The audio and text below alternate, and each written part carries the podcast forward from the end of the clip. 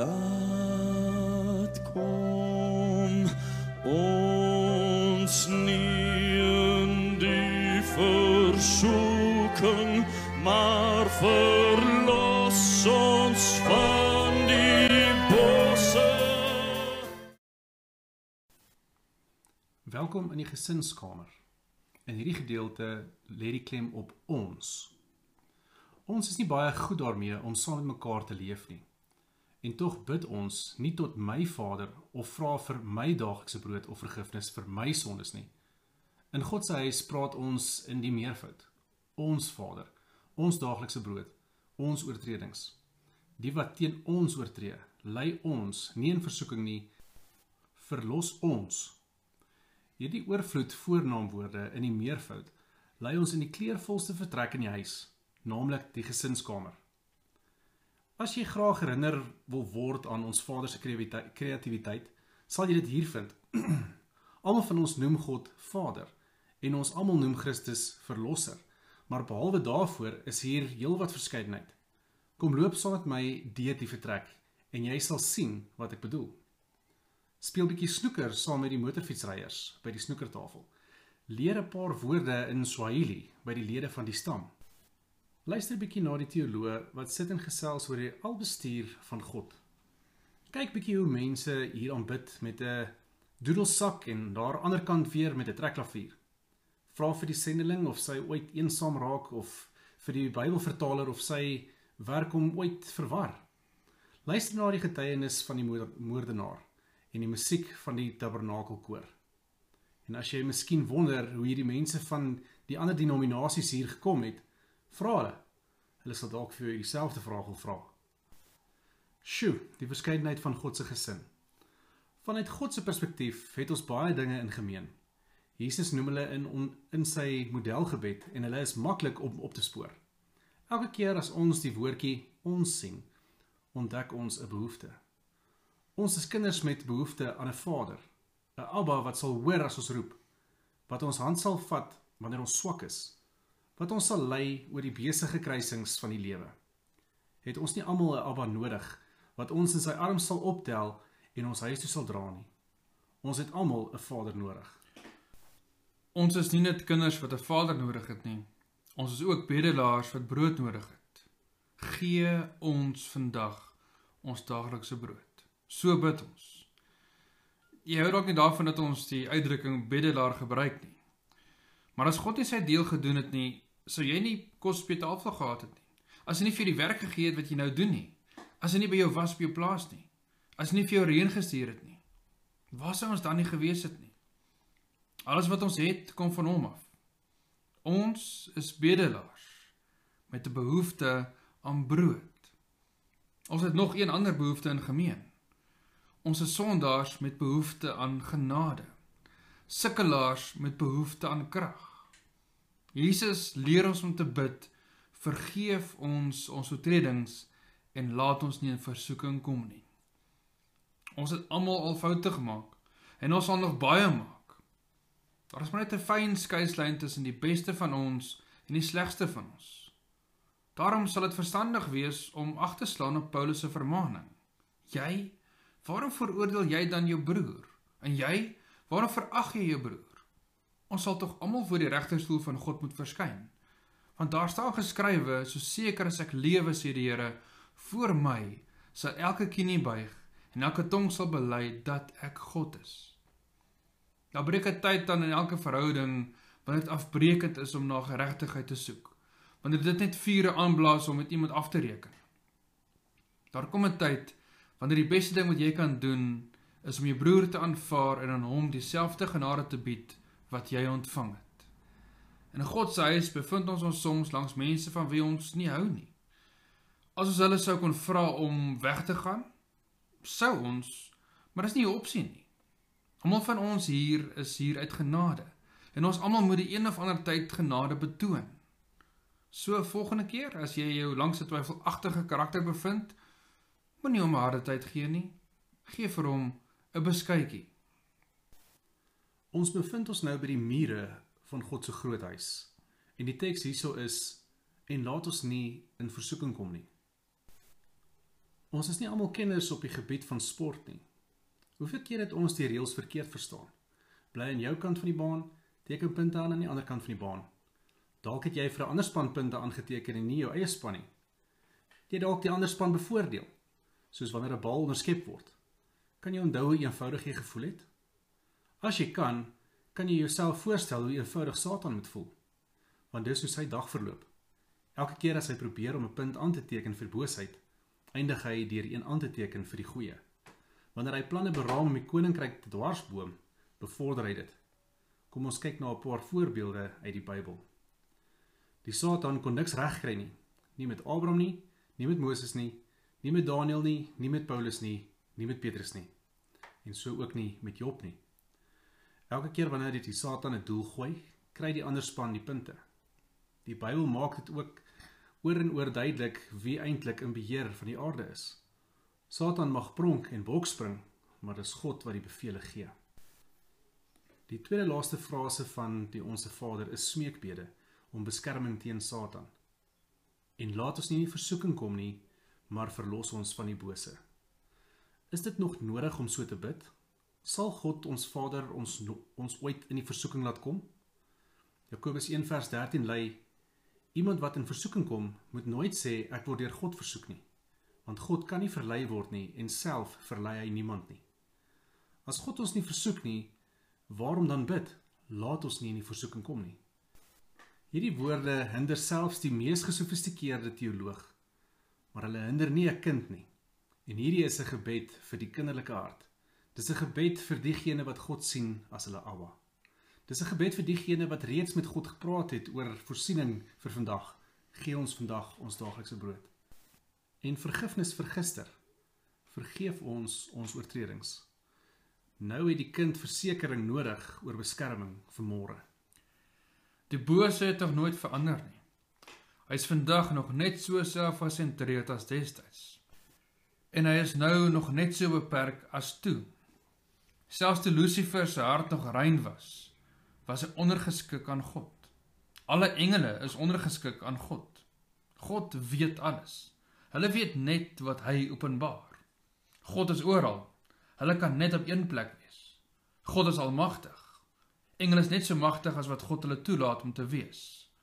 Alle engele, Satan en kluis, is ondergeskik aan God. Dit mag jy dalk verras. Satan is steeds God se dienskneg. Die duiwel is God se duiwel. Hy wil dit nie wees nie. Hy is nie van plan om dit te wees nie. Daar is niks waarvan hy meer sal hou as om sy eie koninkryk op te rig nie. Maar hy kan nie. Elke keer as hy probeer om sy saak te bevorder, loop dit daarop uit dat hy God se saak bevorder. Kan dit wees dat die Satan na die pype van die Almagtige dans? Wat eers God se toestemming moet kry? Dit klink eienaardig. Martin Luther het gesê dat die duiwel is eintlik God se puppet. Satan wil nie hê jy moet weet dat hy verkies dat jy eerder mislei word en aan hom dink as 'n onafhanklike krag met onbeperkte mag nie. Hy wil nie hê dat ek vir jou moet vertel van die mure wat die groot huis van God omring nie. Satan kan nie oor hulle klim nie. Hy kan nie deur hulle dring nie. Hy het hoegenaamd geen mag nie behalwe die mag wat God toelaat. Hy sê verkies dat jy liewer nooit Johannes se woorde te hore kom nie. Hy wat in julle is, is groter as die duiwel wat in die wêreld is. 1 Johannes 4 vers 4. En hy sal natuurlik verkies dat jy nooit uitvind hoe dat God hom as 'n instrument gebruik om Jesus se saak te bevorder nie. Hoe gebruik God die Satan om die werk van die hemel te doen? God gebruik Satan om die gelowiges te louter. Ons het almal die duiwel se siekte, selfs die mees nederigste onder ons is geneig om te veel van onsself te dink. Selfs Paulus het 'n doring in die vlees gehad. Elke keer teken Satan weer punte aan vir die ander span. Besef jy nie dat dit hom mal maak nie? Selfs wanneer dit lyk of hy wen, verloor hy. Martin Luther was in die kol toe hy die duiwel beskryf het as God se puppet, sy werktuig, 'n skoffel waarmee hy sy tuin werk. Die skoffel verwyder nooit wat die tuinier wil behou nie en behou nooit wat die tuinier wil verwyder nie. Deel van Satan se straf is tog seker die frustrasie wat hy ervaar omdat hy teen sy sin moet dien as 'n werktuig om 'n tuin vir God te skep. Satan word deur God gebruik om die gelowiges te louter. God gebruik die duiwel ook om slapendes wakker te maak. Ons weet Saul was 'n baie hardkoppige en jaloerse mens. Hier sien ons 'n beginsel raak. Dit gebeur dat ons harte so verhard en ons ore so doof raak dat God ons oorgee om te ly onder die gevolge van ons eie keuses. As koning Saul dan weier om te drink uit die beker van God se goedheid, laat hom dan drink uit die beker van die hel se woede. Laat hom tot wanhoop gedryf word sodat hy teruggedryf kan word na die arms van God. Paulus sê 'n interessante ding aan Timoteus. Die jong man het te doen gekry met twee disippels wie se geloof skibreek gelei het en wat besig was om ander negatief te beïnvloed. Wat was sy opdrag aan Timoteus? Onder hulle is daar Hymenius en Alexander wat ek aan die Satan oorgegee het sodat hulle daardeur kan leer om God nie te laster nie. 1 Timoteus 1 vers 20. Hoe drasties dit ook al lyk, God sal in werklikheid toelaat dat iemand hel op aarde ervaar in die hoop dat sy geloof wakker gemaak sal word. 'n Heilige liefde maak die moeilike keuse om 'n kind oor te gee aan die gevolge van sy opstand. Onthou, dissipline moet uitloop op genade, nie op ellende nie. Sommige gelowiges word wakker van 'n tikkie op die skouer, terwyl ander 'n harde hou oor die kop nodig het. En elke keer as God 'n harde hou oor die kop wil gebruik, word Satan ingespan. Hy word ingespan om die kerk te leer. Die duidelikste illustrasie van hoe God Satan gebruik om sy doel te bereik, kry ons miskien in die lewe van Petrus. Luister hoe waarsku Jesus hom. Simon, Simon, luister. Die Satan het daarop aangedring om julle soos koring te sif. Maar ek het vir jou gebid dat jou geloof jou nie begewe nie. As jy weer tot inkeer kom, moet jy jou broers versterk. Lukas 22 vers 31 tot 32. Let op wees in beheer. Selfs al het Satan 'n plan gehad, moes hy eers toestemming kry. In Matteus 28 vers 18 verduidelik Jesus: "Aan my is alle mag gegee in die hemel en op die aarde." En hier het ons die bewys daarvan. Die wolf kan nie die skape bykom sonder die toestemming van die herder nie. En die herder sal die aanval slegs toelaat as die pyn op die lang duur die wins werd is. Onthou, Satan kan nie deur die mure van die groot huis van God dring nie. Vat jy dit steeds moeilik om te dink dat jou stryd tot enigiets goeds kan lei? Steeds moeilik om te dink dat jou siekte of skuld of dood 'n werktuig tot enige goed kan wees? Indien wel het ek vir jou nog 'n laaste voorbeeld. Ek wil nie jou stryd afmaak as iets nietigs nie. Maar ek moet sê dat dit wat jy deurgaan niks in vergelyking is met hierdie een nie. 'n Sondelose verlosser is bedek met sonde. Die outeur van die lewe is in die graf van die dood neergelê. Satan se oorwinning het na 'n voldonge feit gelyk. Uiteindelik het hy 'n doel aan die regte kant van die baan aangeteken. En hy het nie net 'n doel aangeteken nie, hy het die sleutelspeler uit die aarde geloop en buite aksie gestel. Hy het geval met elkeen vanaf Sara tot by Petrus. Hierdie keer het hy alles reg gedoen. Die hele wêreld het dit gesien. Die oorwinningsdans het al reeds begin. Maar skielik is daar 'n lig in die graf en 'n beweging van die rots. En Vrydag se tragedie kom uit die graf uit as Sondag se verlosser en selfs Satan het geweet hy is uitoorlê. Hy was 'n skoffel in die hand van die tuinier. Die hele tyd wat hy gedink het hy is besig om die hemel te verslaan, was hy besig om die hemel te help. God wou sy mag oor sonde en die dood bewys en dis presies wat hy gedoen het. En raai wie het hom gehelp om dit te doen? Satan se planne is weer gefnuik. Net dat hierdie keer het hy nie net die hemel help punte aanteken nie.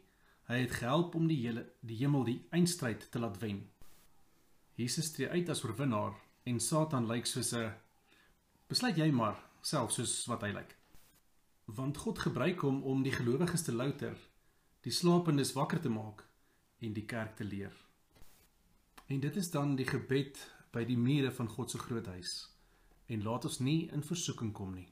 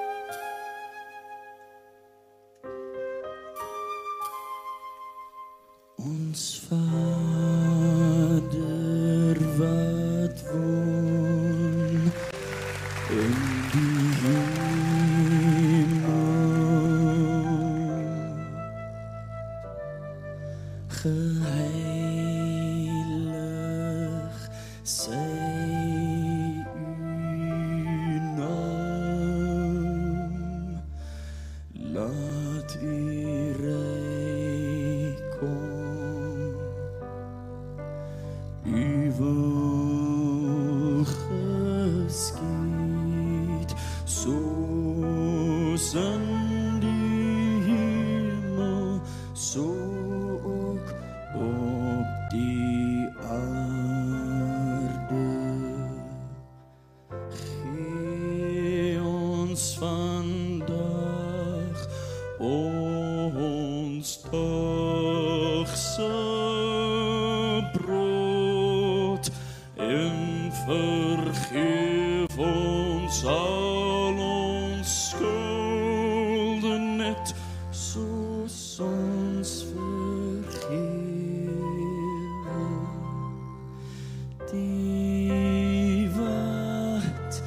teen